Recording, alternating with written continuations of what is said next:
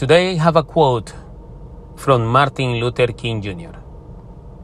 The ultimate measure of a man is not where he stands in moments of comfort, but where he stands at times of challenge and controversy.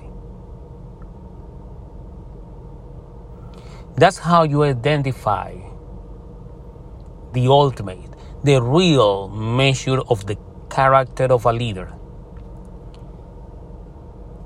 It's a times of challenges, it's a times of crisis, it's a times of controversy, it's a times where opposition is gaining more than you can win. It's where and what your leader stands for. If you want to really know your leader, if you want really to know what your leader stands for or where they stand for, wait for moments of crisis, challenges, and controversy. And you will see the color, the real character of the leader. Summarizing this week, we have that leadership is about choices.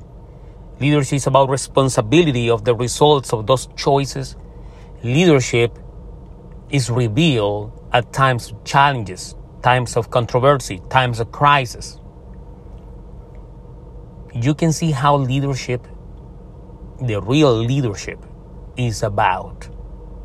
I know many times there are many things out there that can deviate from the essence of real leadership. But here this quote teaches what is leadership. I hope this quote can help you to reflect on your own leadership. You can take the steps to better your leadership. And you can build better teams and better organizations. Until the next time.